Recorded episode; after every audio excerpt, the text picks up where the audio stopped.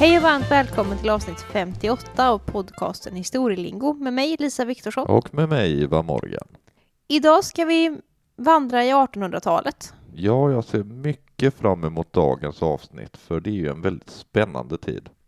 Det är det absolut och vi ska göra det genom med hjälp av en författare. Mm. Ingen mindre än Mary Shelley. Precis, och för trogna visst lyssnare, ni vet att eh, vi talar om hennes mor, Mary Wollstonecraft, för några veckor sedan. Ja, det var avsnitt 45 så man kan ju lyssna på det innan man lyssnar på det här, men det går även bra att bara lyssna på det här avsnittet. Ja, det gör man precis som man vill. Men som sagt, det blir 1800-tal och eh, Europa och det blir lite annorlunda förra veckan. Ja, det får man väl säga, för förra veckan så var vi på Påskön. Och pratade, ja, runt tusentalet höll vi oss mest. Mm. Så det blir lite annorlunda idag. Ja, Men vi drar igång. vi drar igång.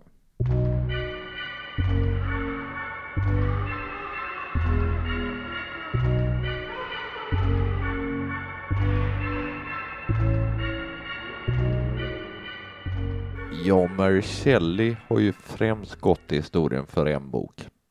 Ja, det måste man nog ändå säga, även om hon skrev väldigt mycket. Mm, men det är ju liksom Frankenstein som är på alla släppar. Definitivt. Och eh, vi kommer ju återkomma till Frankenstein många gånger under det här avsnittet. Ja, vi har ju bägge två läst boken eh, och tycker att den är väldigt, väldigt bra. Ja. Men sk- ska du... Du har väl kollat lite närmare på hennes uppväxt, tror jag? Det har jag gjort. För hon föddes då 1797 och det här har vi varit inne på i Wollstonecraft-avsnittet. Mm. Men som en liten recap kanske för ny, eventuellt nya lyssnare. Hennes mor var ju den eh, på sin tid kontroversielle författaren Mary Wollstonecraft som eh, ja, idag anses vara någon slags protofeminist. Precis. Eh, och en av liksom de mer kända upplysningsfilosoferna, får man väl säga, idag. Ja, och hon levde ju själv ett väldigt spännande liv.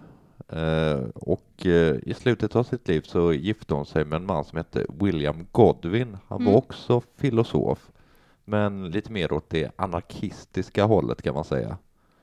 Exakt. Och de fick ju då ett barn tillsammans.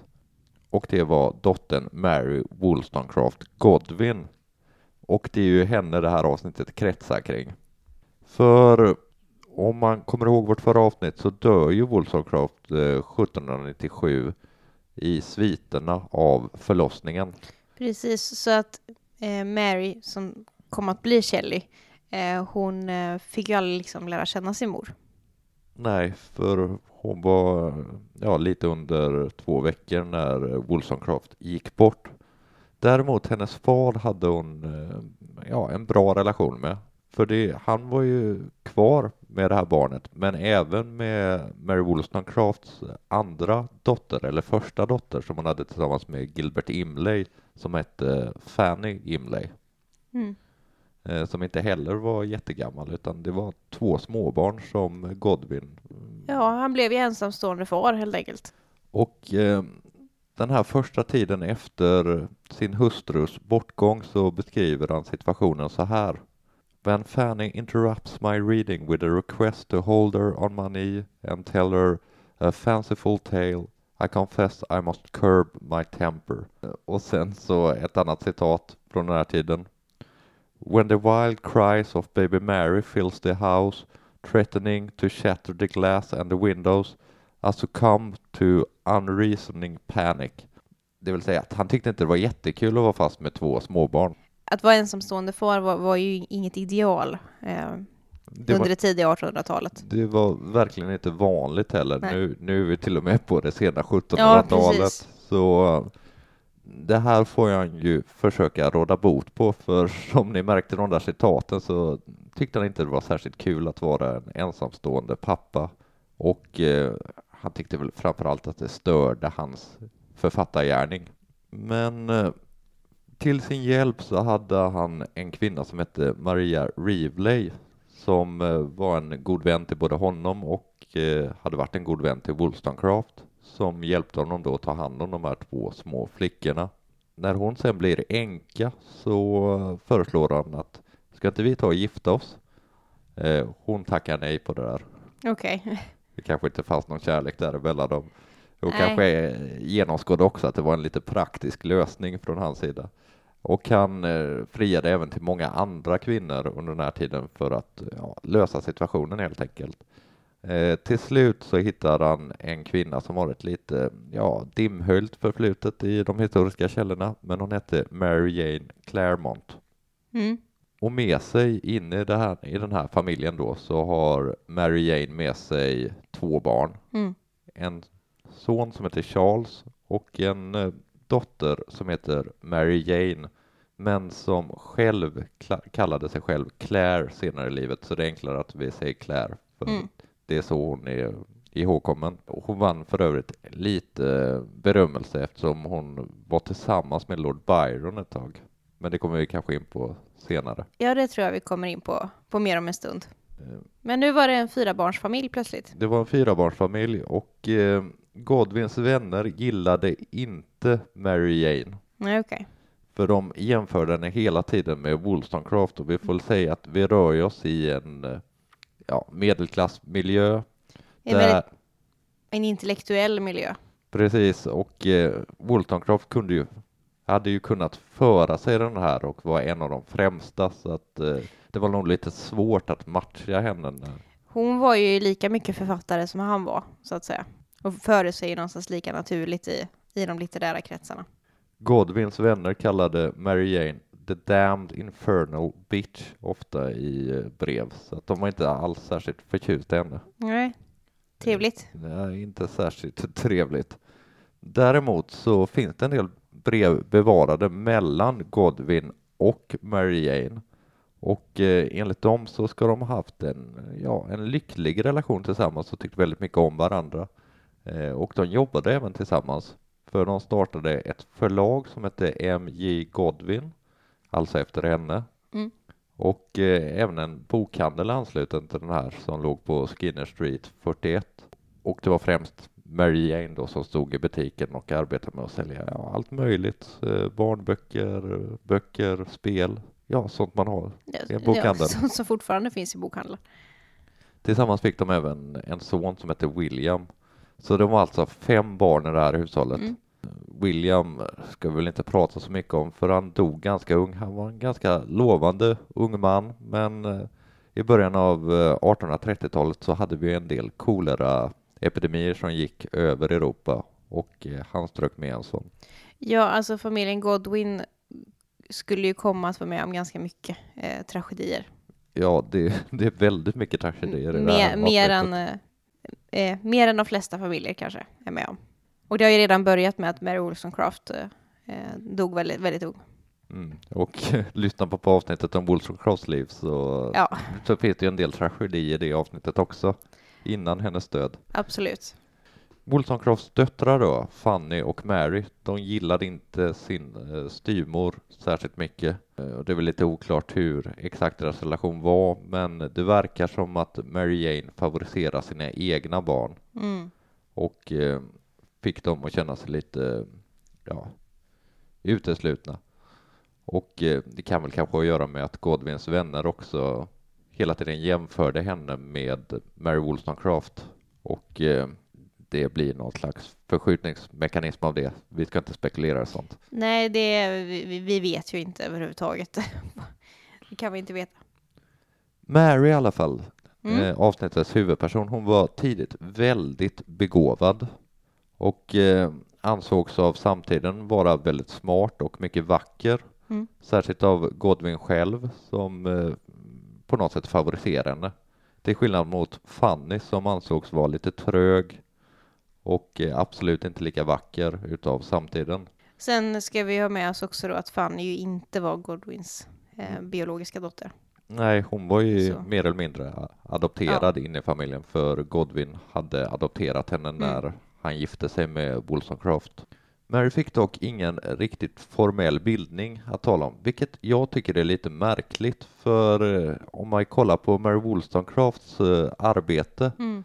Så handlar det ju väldigt mycket om att kvinnor ska få en formell utbildning på samma sätt som männen fick eller pojkarna fick.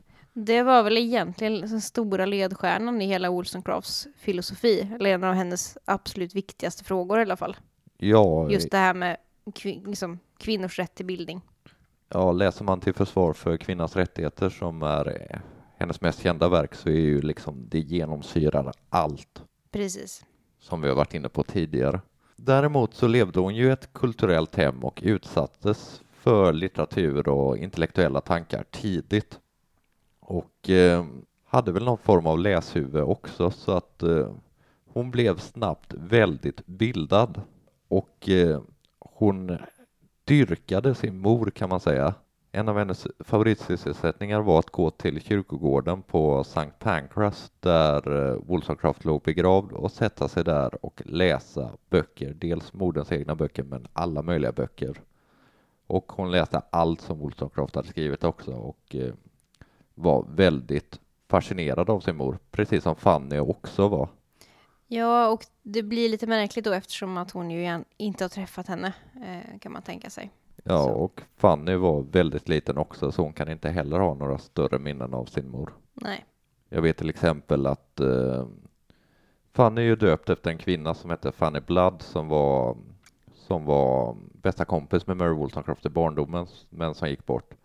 Och jag vet att när Fanny Bloods man kom och hälsade på familjen Godwin så träffade Fanny honom och eh, skrev sen ett brev till Mary om hur fantastiskt det var att få prata om Mary och att hon skulle ägna sitt liv åt att bli eh, en lika bra människa som eh, Mary Wollstonecraft då var. Mm.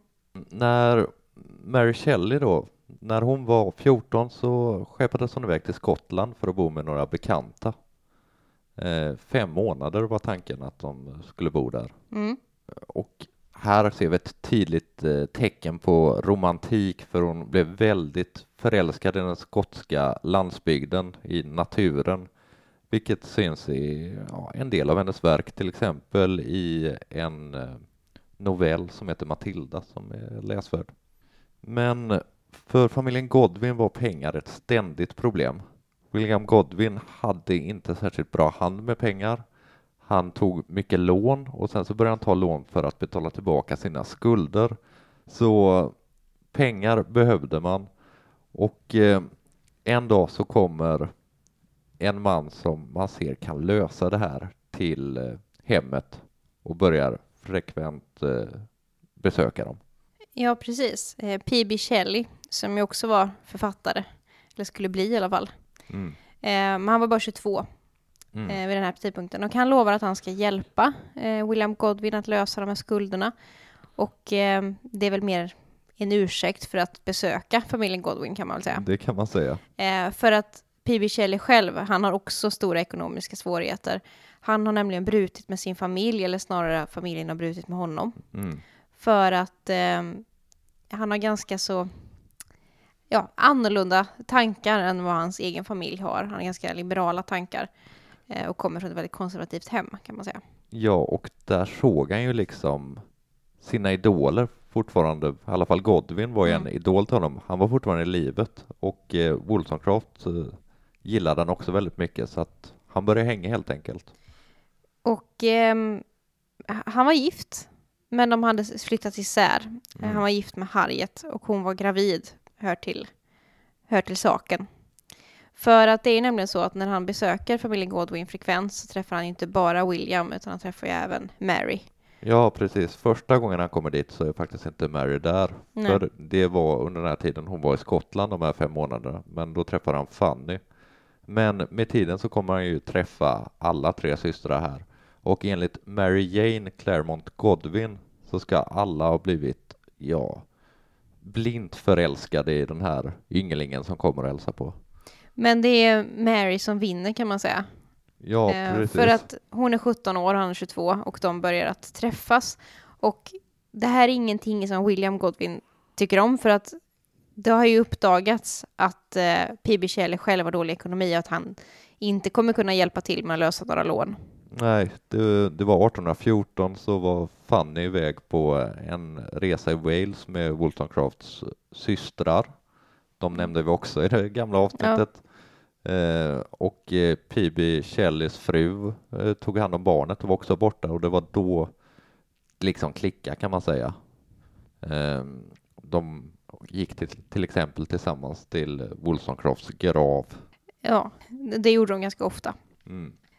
Men som sagt, William Godwin han tyckte inte att det här var någon bra idé, Nej. det här förhållandet, och han blir rosenrasande helt enkelt. Så de måste träffas i smyg och det är också en anledning till att de träffas på kyrkogården då, för att de kan inte ses i, i hemmet. Och för Shelley så måste det här varit lite märkligt för han har ju dragit till Godwin för hans tankar om till exempel fri kärlek och så. Men helt plötsligt när han börjar uppvakta Godwins dotter så blir Godwin helt plötsligt anti och egentligen motsäger Godwin allt han själv står för här. Ja, precis. När det gällde hans egen, hans egen dotter så, så gällde inte principerna längre, kan man säga. Mm. William Godwin blir ursinnig. Han fördömer det här förhållandet och accepterar det inte. Mm. Och eh, ja, men då rymde man ju. Mm. och eh, eh, det är inte bara Shelley och Mary, utan de tar även med sig Marys styvsyster Claire. Och vart ska man rymma om man ska ta sig till den kulturella metropolen i 1800-talets Europa? Till Paris.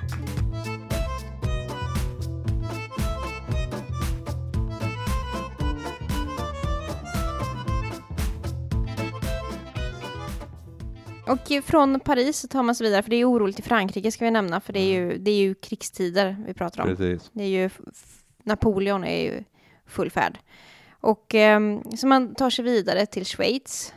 Och ehm, ja, har det ganska gött där. Ehm, de läser mycket Mary Wollstonecraft tillsammans, Shelley och eh, Mary. Mm. Men sen tar pengarna slut. Ja, Och då måste man med svansen mellan benen vända hem. precis. Och eh, ja, lite till sin chock så upptäcker Mary efter att de har kommit hem att hon är gravid. Mm. Och det är ju även Phoebes hustru Harriet. Precis. Så att helt plötsligt så är P.B. Shelley blivande far till två olika barn samtidigt. Ja, jobbigt läge. Lite jobbigt läge. Och det här är ju ingenting som William Godwin tycker är speciellt toppen. Och han vill säga upp kontakten helt med Mary. Han tar liksom ifrån handen. De får inte någon hjälp med ekonomi eller, eh, eller sådär. Så att eh, de får försöka klara sig, klara sig själva. De flyttar runt mellan olika billigare rum som de hyr. Och eh, det är stora ekonomiska problem och Kjell försöker liksom ta lån för att få livhanken att gå ihop. Till saken ska vi väl säga också, du nämnde ju det förut, men Kjell kommer ju i grunden från en väldigt eh, aristokratisk familj. Precis, men han har ju helt brytit, eller familjen har helt enkelt brutit med honom så han så får, han måste klara sig själv. ja, han får inte en krona därifrån. Eller pund. Eh, men i alla fall. Eh, och de flyttar runt och har det väldigt svårt ekonomiskt och socialt på alla sätt och vis. Och eh, mitt i det här så föder då Harriet det här barnet som visar sig vara en son. Mm. Och det är någonting som uppmuntrar P.B. ganska mycket. Han vill vara involverad i det här. Mm. Sonen får väl namnet Charles. Ja, och ehm, det här Mary tycker ju inte att det är jättetoppen att hennes eh, fästman, eller vad man ska kalla honom, de var inte förlovade, men att eh, han får barn med någon annan. Nej. Det tycker hon inte om, så hon blir ganska svartsjuk. Så att hon själv, hon är också gravid, hör till saken, Mm. men hon inleder liksom ett flörtande med en Thomas Jefferson Hogg. Ja, okej. Men det, det ska bara ha varit liksom oskuldsfullt och eh, ja, på skoj sådär.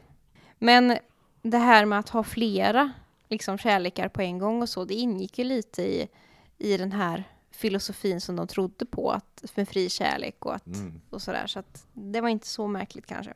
Men som sagt, Pibi har fått den här sonen och vad det lider så föder ju Mary det här barnet och det blir, visar sig vara en dotter. Mm. Men hon överlever inte, Nej, för hon avlider hon ganska omgående. dottern då. Dottern, ja, precis. Eh, och detta gör ju att Mary blir oerhört deprimerad. Mm, såklart. Och ehm, ja, och det är någonting som kommer att förfölja henne mer eller mindre resten av livet, att hon drabbas av svåra depressioner. Men någonting som i alla fall får en ljusglimt i allt mörker, det är att ekonomin börjar bli lite bättre. Mhm. Då Pibi får ett arv från sin farfar. Mm. Vilket gör att de klarar liksom, livhanken lite bättre och kan bo bättre, de kan resa och. Och, Ja, allt blir lite enklare helt ja, enkelt. och Mary blir även gravid igen. Och hon föder eh, i januari 1816 så föder hon sonen William. Som lite kuriosa kan vi säga att familjen kallar honom inte för William, utan för Willmouse. Willmouse, ja, gulligt. Ja, det är rätt gulligt. Och det är då alltså januari 1816. Mm. Och 1816 kommer att bli ett otroligt turbulent år för Mary Shelley. Ja, egentligen för hela världslitteraturen. Ja, både på gott och på ont så blir det här en revolution, ett revolutionerande år och ett eh, turbulent år. Mm. Men det börjar bra. Hon födde sonen William och eh, när våren kommer så ska de åka på sommarnöje och då åker de till Genèvesjön i Schweiz, Schweiz till P.B. Shelleys eh, kamrat Lord Byron Mm. som ju var en känd eh, poet, en liksom riktig eh, liksom, typisk romantikpoet. Precis, en av de mest klassiska poeterna från den här tidsserien. Ja, och han, Precis har, som Kjell. han var nära vän med P.B. Shelley och, och eh, Lord Byron som man hör också var ju då adlig och hade det ganska gott ställt. Mm. Och det var inte bara eh, den här lilla familjen med William och eh, P.B. och eh, Mary, utan även Claire var med Mm. återigen. Och anledningen till det är ju som du var inne på förut. Ja, för eh, hon hade ju inlett ett förhållande med Byron Ja, och och blivit gravid. Precis, framförallt så har hon blivit gravid. Men det här förhållandet kommer ju inte att hålla sen, utan Nej, om Lord Byron är väl lite känd för att eh, krascha förhållanden. ja. Så att det, det, här- det var bara en flört, men det blev ett barn av det så att säga. Men de har det ganska gött här på sommaren. Mary Shelley har klagat på vädret, Mm. eh, att det var dåligt väder, men annars verkar de ha haft det ganska trevligt. De ägnar kvällarna åt att läsa spökhistorier för varandra. Mm. Och det här är ju en sån episod som ofta berättas. Det är nästan som man får rysningar. För Lord Byron, han eh, ger sina gäster en utmaning. Att Mm. alla ska skriva varsin liksom, spökhistoria eller spöknovell.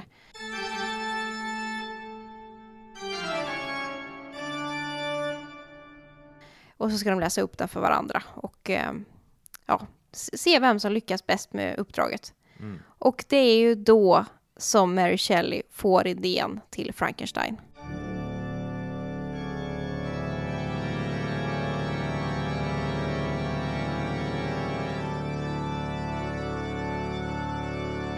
Mm.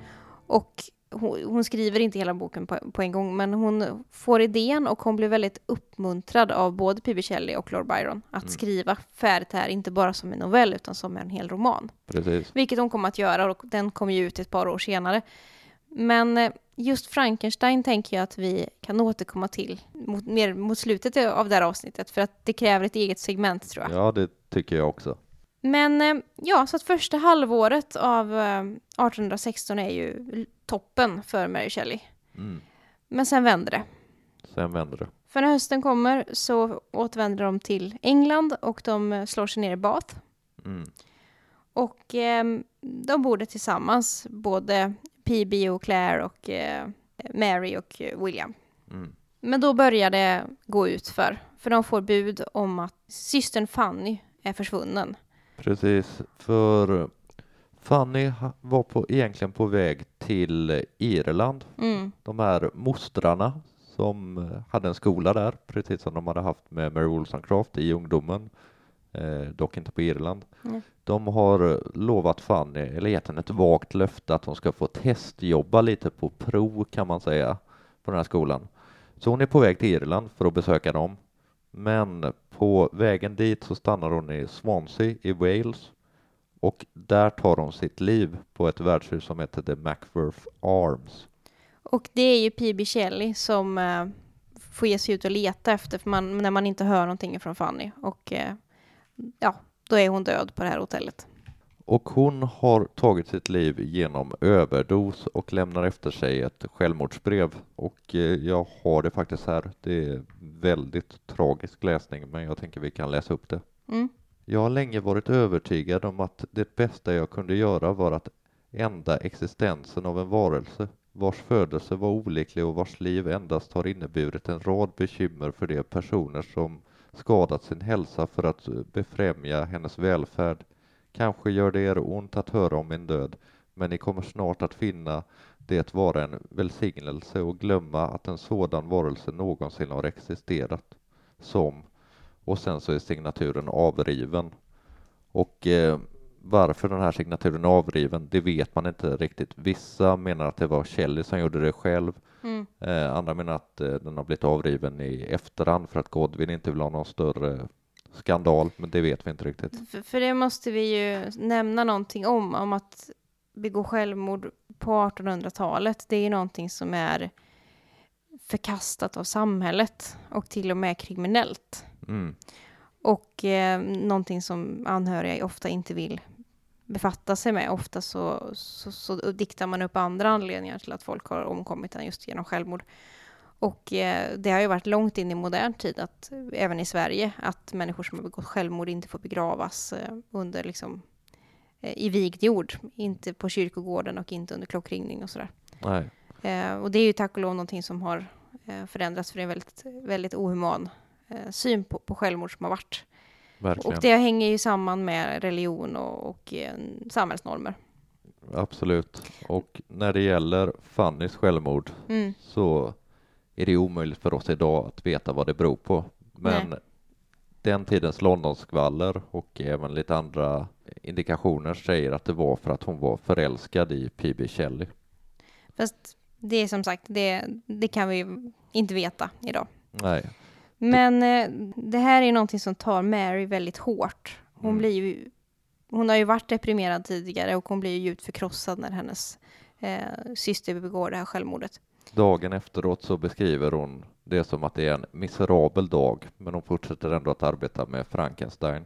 P.B. Shelley däremot, han börjar arbeta med lite dikter och vissa litteraturvetare och så som har jobbat med det här menar att man i de här dikterna kan se, tycks se att han har accepterat att Fanny dog på grund av kärlek till honom, men det, det vet vi ju inte. Nej, det, det är lite... Ja, jag tror vi lämnar det. Ja, därhän i alla fall. Men den här hösten då fortsätter i samma, samma tecken. För ett tag efter att Fanny har hittats död så hittas även P.B. Shelleys ja, hustru då, eh, Harriet. Hon har också tagit sitt liv genom drunkning, att hon har dränkt sig helt enkelt precis. i Hyde Park. Och eh, det blir ännu mer problem.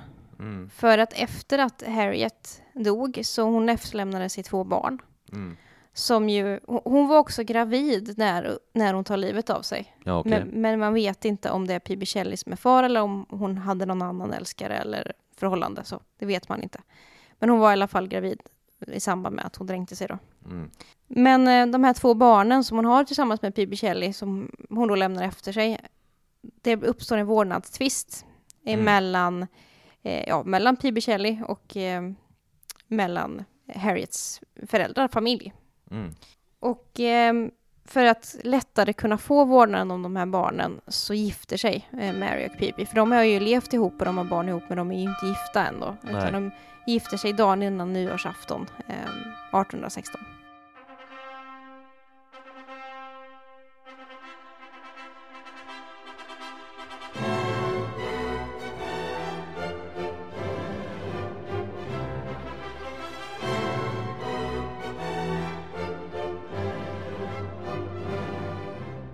Ja, det är lite som eh, William Godwin och Mary Wollstonecraft gifte sig också, inte för att de trodde på äktenskapet, men för att det var smidigare. Ja, av praktiska skäl. Precis. För att hade inte eh, Harriet gått bort så kanske de aldrig hade gift sig. Nej, precis. Förmodligen inte kanske.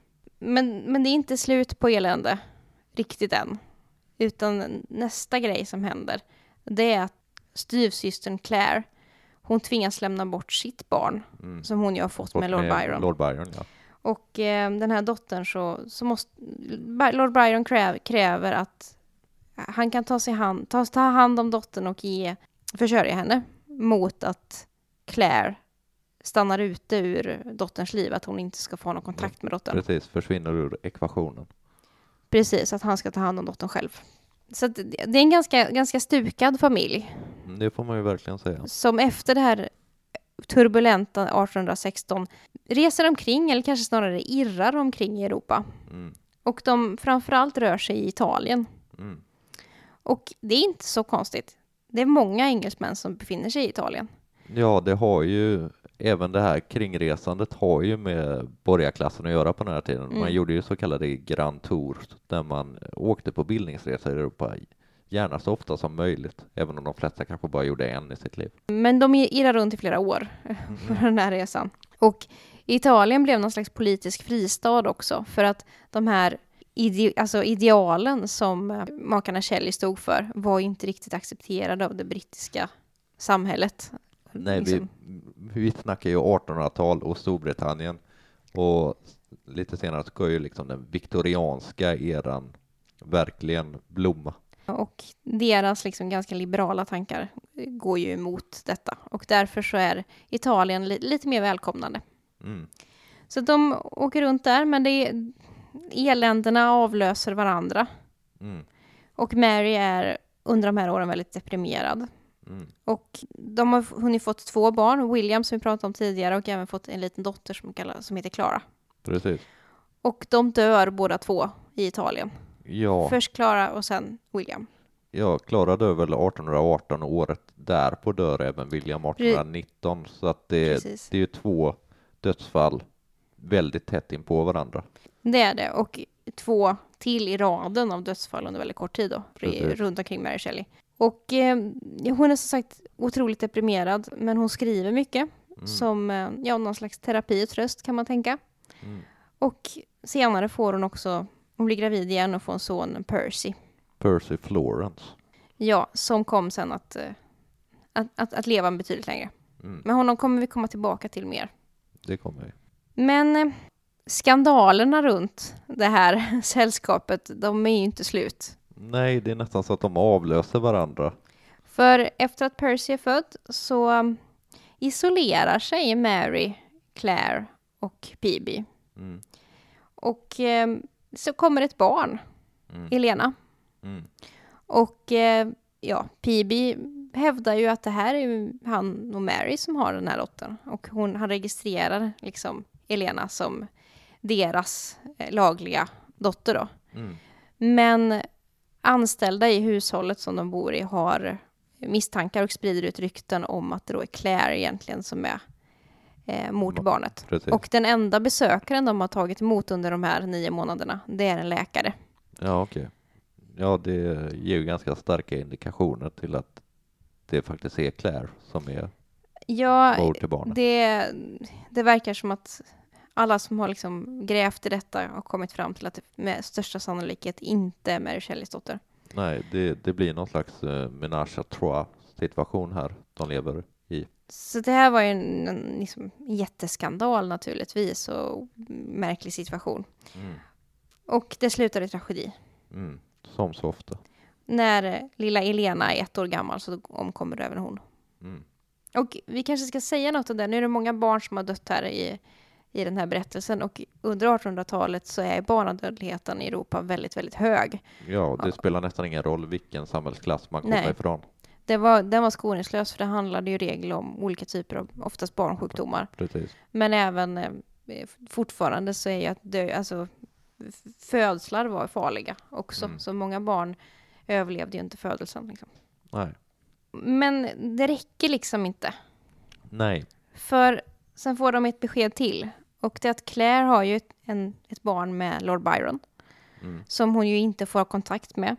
Men hon får bud om att den här dottern är död. Mm.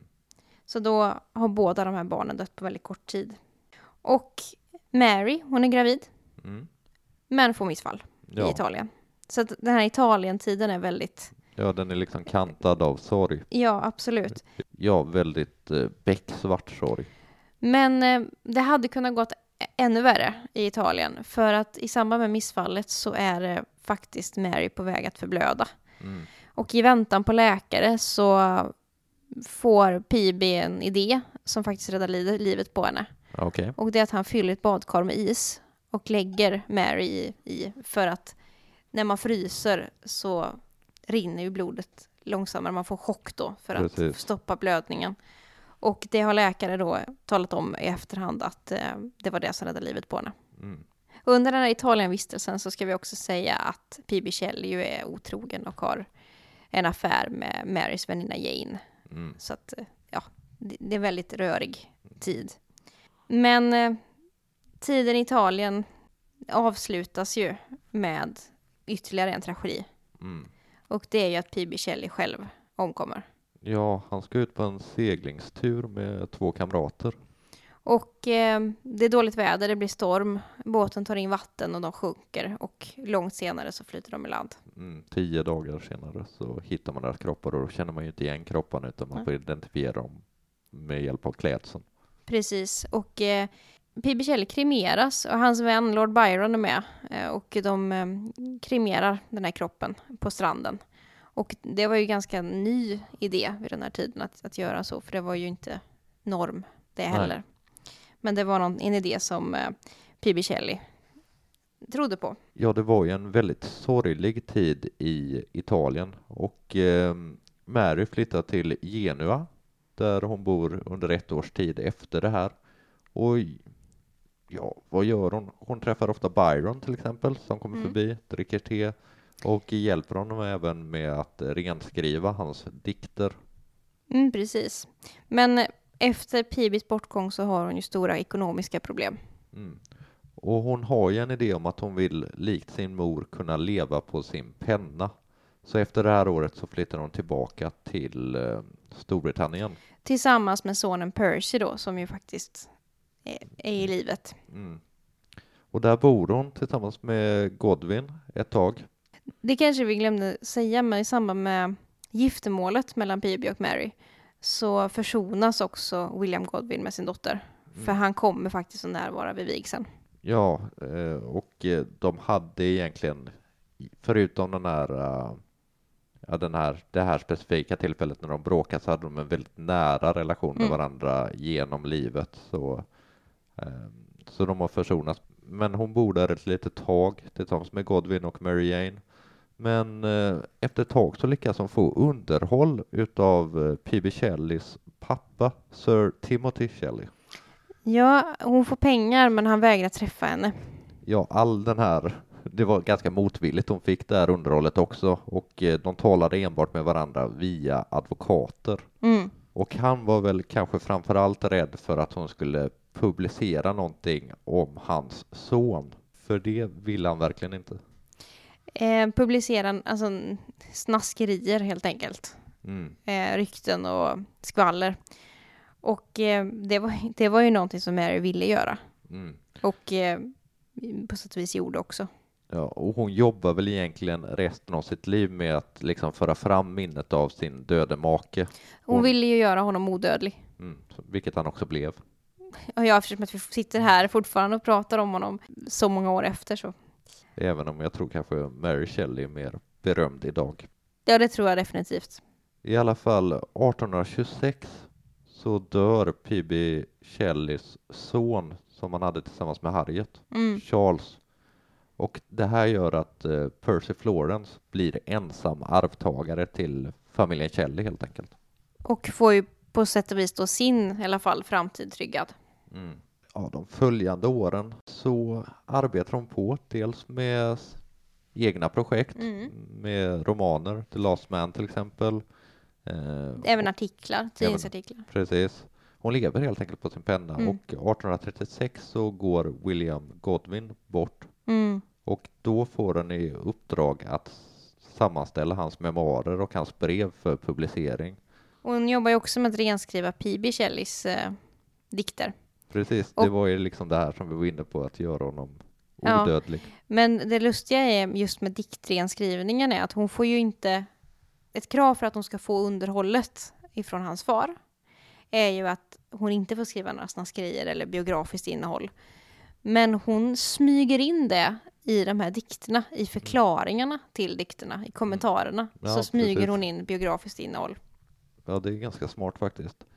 Vi ska väl säga också att hon aldrig gifte om sig under de här åren.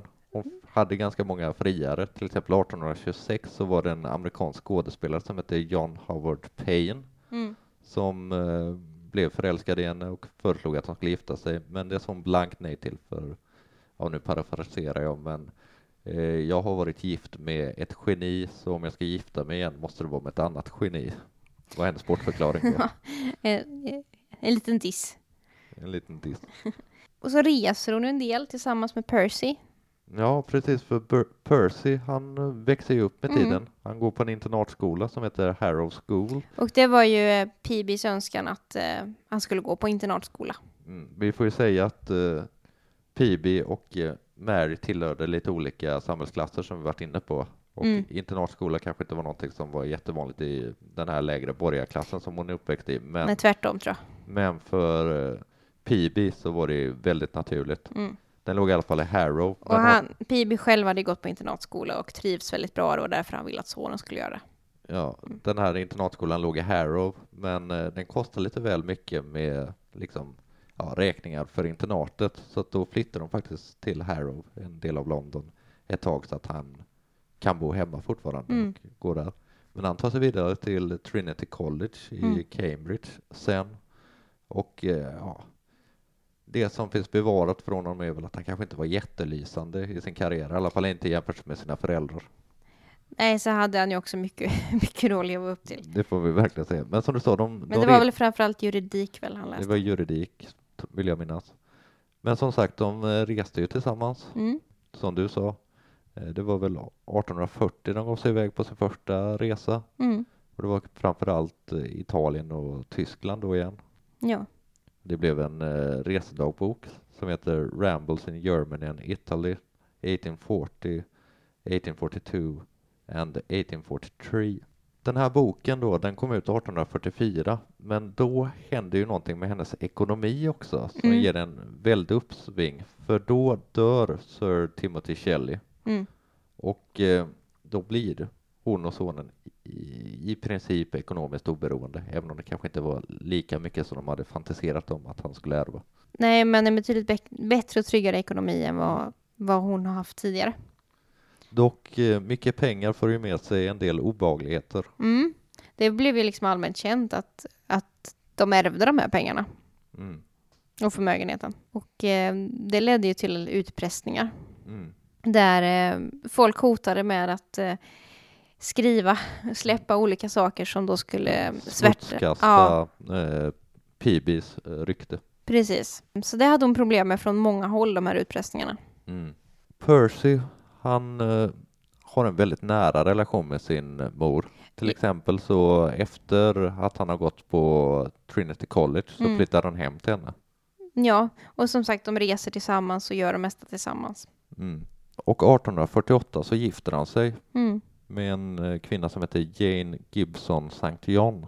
Och eh, det här är det ju kanske första gången i, i Marys liv som det inte blir konflikter då. Nej, precis, för hon tycker väldigt mycket om sin nya svärdotter. Ja, och det verkar väl ha varit ömsesidigt. Mm. Det är ju på den nivån så att faktiskt Mary flyttar in med eh, Jane och Percy, att de bor alla tre tillsammans. Ja, och de har ju nu flyttat till eh, familjen Shelleys eh, släktgård, Mm. de lever ganska bra där. Ja, Dock så blev den glädjen inte jättelång. Några år bodde de tillsammans, men 1851 så dör Mary. Hon hade ganska dålig hälsa under större delen av sitt senare liv. Men eh, det som gjorde att hon dog var, tror man, en hjärntumör. mm. och eh, då ska ju Percy och Jane gå igenom kvarlåtenskapen av Mm. Mary. Och då gör de ju ett ganska makabert fynd. Det får man ju verkligen säga, för de hittar en eh, låda eller ett skrin. Ja, i, ett, i, ett, i hennes skrivbord. Det har ju varit att de har ju inte liksom rört hennes skrivbord eller så under tiden hon levde. Men efter hennes död så öppnar de upp det här skrivbordet för de vill ju veta vad som finns där i. Och eh, hittar väl saker de inte hade väntat sig. Nej, de hittar till exempel en dikt, det är inte så konstigt, skriven av P.B. Shelley som alls. heter Adonis. Och han hittar några hårlockar från eh, Marys döda barn. Inte heller så jättemärkligt för det var en, en tradition som man faktiskt höll på med vid den här tiden. Så att, Eh, inte förvånande. inte förvånad. Hon hittar lite av eh, P.B.s aska, men nu kommer det riktigt makabra fyndet här. Någonting som var väldigt ovanligt, det var att man hittar ju en del av P.B. Shelleys hjärta insvept i sidan Ja, i det här, i den här liksom skrivbordet. Och eh, blir väl lite övergivna och förskräckta eh, över att ha haft liksom, det här i, i sitt hem. Och det var ju nämligen så att Mary själv var ju inte med när P.B. Shelley brändes där på stranden. Nej, Men däremot så hade då hans vänner sett till att skära ut en del av hjärtat som hon fick som relik. det låter som en klassisk Lord Byron-idé, men det kan jag inte svära på. Nej, men han var ju med och styrde den här kremeringen så att det är väl Inte inte, helt helt, omöjligt. omöjligt. Men eh, så det här är ju, och det här är väl en historia som har blivit ganska känd när man pratar om Mary Shelley, att hon hade sparat hans hjärta. Det är, eh, det är lite eget. Mary ville begravas bredvid sina föräldrar Mm. på Sankt Pancras, eh, kyrkogården som ligger i London. Däremot så tyckte inte Percy, Florence och hans fru att det var en särskilt vacker plats. Så de hade organiserat så att man grävde upp kvarlevorna och flyttade till en annan kyrkogård Okej. och där begravdes hon också. Däremot den här uh, gravstenen på Sankt Pancras, den står Mm. kvar än idag och den kan man besöka. Och den ligger bredvid tågstationen Sankt Pancras International och är en väldigt vacker gravplats. Jag har faktiskt själv besökt den en gång och det var fint. Okej. Men det här var väl liksom om Mary Shelleys liv. Mm. Ska vi backa bandet lite och eh, prata lite om hennes livsverk? Ja, vi kan ju prata lite grann om hennes opus magnum, det vill säga Frankenstein. Ja, Frankenstein eller den moderna Prometheus som originaltiteln löd.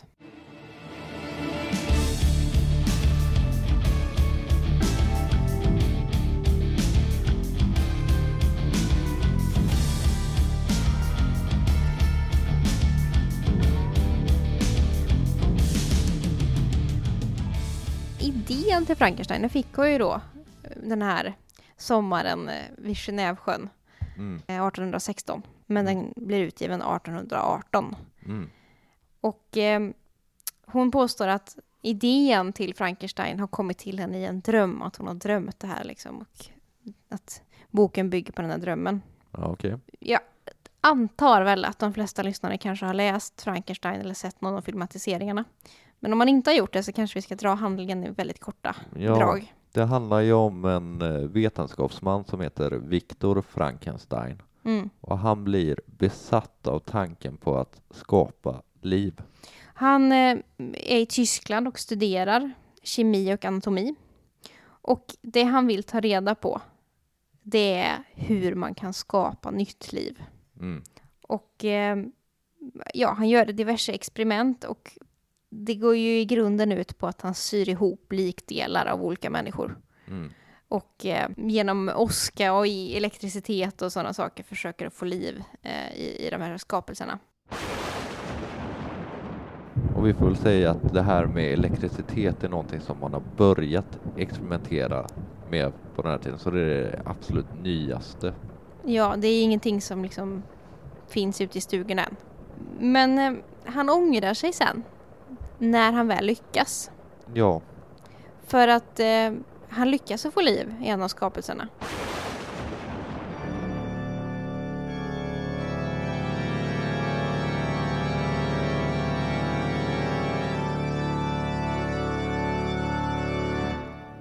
Men det blev inte som han hade tänkt sig. nej, för eh, han stormar ut full av vämjelse för det han har gjort och lämnar den här skapelsen som eh, senare kommer kallas monstret Mm. för sig själv liksom. Det, I den svenska översättningarna så är det lite olika. Ibland kallas skapelsen för skapelsen och ibland för monstret. Och eh, ja, det är dels för att han ser otäck ut. Mm. Att det är, att det är jätteotäckt att, att skapa en ny människa av diverse delar från olika döda människor. Men det är också det att monstret kan inte prata. Nej, Monstret kan inte föra sig. Monstret har ju inte fått någon form av uppväxt utan det är ju helt plötsligt en vux, fullvuxen man som börjar röra sig och leva. ja, det är ju den här tanken om tabula rasa som var så populär under upplysningen som kommer tillbaka här att eh, det är ett oskrivet blad. Precis, och eh, Viktor Frankenstein han reagerar ju med, som sagt med vämjelse och han hyser ett förakt och hat emot monstret. Och eftersom att monstret inte känner till någonting annat så är ju det enda han lär sig vämjelse och hat. Precis. Så han, för att han vill ju egentligen bara vara vän med Viktor. Mm. Men eftersom att Viktor skjuter honom åt sidan och mer eller mindre vill döda monstret så skapar ju liksom monstret ett hat gentemot Viktor också. Mm. och de börjar att jaga varandra. Ja, det är väl grundstoryn kan man säga. Ja, så, att, så sen får ni läsa själva om ni vill, vill veta mer om, om innehållet i boken, tänker jag. Men eh, det är det här liksom att ondska föder ondska eh, och så. Ja, den är ju skriven som en brevroman och det är en polarfarare som eh, är ganska frekvent i den här också. Och det handlar ju liksom om att eh, den här upptäckarandan, det är att gå längre och längre hela tiden, inte alltid är helt gott. Det som är speciellt grepp eh, med just Frankenstein, det är väldigt mycket som är banbrytande med den, men det är ju brevromanen i sig Mm. är väldigt vanlig under eh, klassicismen, alltså under 1700-talet och även under 1800-talet. Det kom ju många liksom, eh, dagboksromaner och brevromaner. Mm. Men det som är lite speciellt med just Frankenstein, det är att det inte är ett berättar-jag, Nej. utan det är tre olika. Och det är ju dels den här polarforskaren som eh, du var inne på, som heter Robert Walter. Mm. Och han, det är honom som Victor Frankenstein anförtror sig åt och berättar om skapelsen. Mm. Sen är det Victor Frankenstein själv, Själv. som är berättar-jag och även monstret är be- berättar-jag. Så det är från tre olika perspektiv, vilket gör att romanen blir väldigt komplex. Mm. Karaktärerna blir också väldigt komplexa i och med att man får se dem ur, olik- ur andras perspektiv. Mm. Och det var lite, li- lite så här revolutionerande med just Frankenstein, just det sättet att skriva som hon gjorde. Men annars så måste man också, om man ska placera in den i ett fack så är det ju förstås skräck. Eh, det är en skräckroman. Mm. Och det är väldigt typiskt för romantiken. Jag vet att vi har haft något avsnitt eh, i slutet på sommaren tror jag, som vi pratade om eh, romantiken som epok. Mm. Och eh, det, det här är kanske det ultimata exemplet på romantik och gotik. Precis. För det är så otroligt obehagligt och mörkt och det är, eh, ja. Och sen blandas det med vetenskapsidealet som Mm. också finns liksom kvar från upplysningen och eh, Och även den här liksom eh, förundran inför naturen, naturbeskrivningar och så, så finns det väldigt vackra sådana i Frankenstein. det gör det definitivt. Och det, det är ju också lite nytt det här med science fiction. Ja, det, det här brukar ju kallas den första science fiction-romanen på grund av att de, den inkorporerar så mycket teknik i sitt eh, ja, berättarutövande eller vad man ska kalla det. Ja, och att det är att det är liksom helt övernaturliga, overkliga grejer som människan då skapar. Mm, förklaras via teknik. Och man bryter ju också, eller hon bryter ju tabun i Frankenstein. Mm. Alltså att det här med att skapa liv och återuppväcka döda och sånt där är någonting som går väldigt starkt emot de kristna idealen som Mm. fanns för tiden. Liksom. Så att, men det vågar hon bryta. Någonting som också är typiskt för en, liksom, för gotiken och skräcken, det är också lite intressant att den utspelar sig i Tyskland. Mm. För Tyskland är ju folksagans eh, hemland, eller vad man nu ska säga. Det är ju med bröderna Grimm och så vidare, det finns, det finns ju en väldigt stark sagotradition. Och gotiken är kanske som allra störst i just Tyskland, eller i, Alp, i alpländerna generellt. Och när de var i Schweiz vid Genèvesjön Mm. och talade om spökhistorier och berättade för varandra, så var det just tyska spökhistorier de berättade för varandra. Så det knyter liksom ihop med hennes egen historia vid Ja, Genèvesjön okej. där. Att det hela utspelar sig i Tyskland. Det är ju en roman som har gått till historien som en klassiker som väldigt många läser som en klassiker eh, på eget initiativ. Men som också är obligatorisk på eh, ja, de flesta institutioner för studenter som studerar litteraturvetenskap eller idéhistoria. Ja, jag läste den första gången när jag läste en A-kurs i idéhistoria för många herrans år sedan. Så att det, det här har ju blivit en naturlig del i den liksom litteraturhistoriska kanonen. Just för att den är så banbrytande den på så många sätt. Den är sinnebilden av en romantisk roman. Mm. Samtidigt som hon bryter mot mycket av sin egen samtidsnormer och, och eh, sådär. Och det är den första sci-fi-romanen. Ja, det kan Det man är ju ganska säga. häftigt att den kommer 1818. Och det som jag tycker också är väldigt roligt med den här boken är att den håller än idag. Det är väl i och för sig det som gör den en klassiker till en klassiker. Ja. Men som en människa som lever på ja, 2000-talet så kan man fortfarande läsa den med stor behållning och eh, ja, den är väldigt spännande. Och den säljer fortfarande. Mm. Den kommer ständigt i nytryck. Och bara här om året kom det en ny svensk översättning till exempel. Ja, okej. Ehm, Den har jag missat. Så att det, ja, den håller fortfarande. Och något annat som bevisar att den fortfarande håller det är att man har gjort hela sex olika filmatiseringar av Frankenstein. Ja, okej. Den senaste kom på 90-talet, den första kom 31. Och förutom det så har faktiskt gjorts även en film om filmatiseringarna. Ja, okej. så det, Ja, och eh, Frankensteins monster har ju blivit någon del utav eh, kanonen kring skräck kan man Mm. säga också. Även den dyker ju upp i, ja, skulle, vi kan ta till exempel tecknad film om det ska vara något skräckavsnitt så dyker ofta Frankensteins monster upp tillsammans med någon varulv eller någonting Ja. annat. absolut. Men en, en ganska vanlig missuppfattning, det är ju att monstret heter Frankenstein. Nej, det gör det ju inte. Men det, det är en ganska vanlig missuppfattning om man inte har läst böckerna eller kanske inte har sett filmerna just för att i en del litterat, liksom, i litteraturhistorien, en del verk är ju så kända så att även om man kanske inte har läst det så känns det som att man har läst det. Ja. Och alla kan liksom, alla känner till det här med Frankenstein och monstret.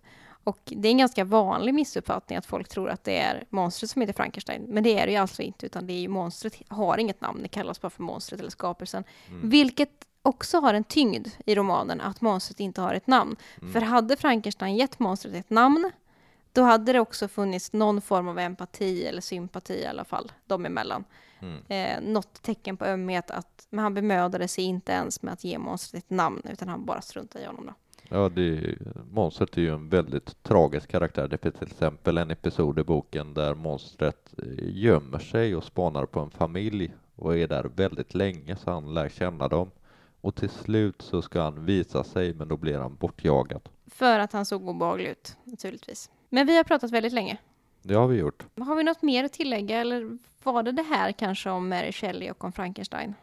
Jag tror att det här var det. Jag hoppas att du tyckte det var intressant. Jag tyckte att det här avsnittet var superintressant. Mm, det tycker jag med. Jag tycker det är roligt att eh, fördjupa sig i författares li- liv och leverne. Men nästa vecka så blir det någonting helt annat i historielingo. Det blir det. Skulle ni vilja ha mer sådana här författarporträtt eller har önskemål på något annat avsnitt så får ni gärna höra av er. Vi har en mailadress som är historielingo.gmail.com Ni får också hemskt gärna börja följa oss på Instagram. Där vi lägger ut lite texter som vi ibland tycker är roliga. Och ehm, ja, följ oss gärna där, vi heter Historielingo. Men eh, med det så tackar vi väl för denna veckan. Vi hörs nästa vecka. Vi hörs på torsdag. Ha det gott. Ha det bra. Hej. Hej.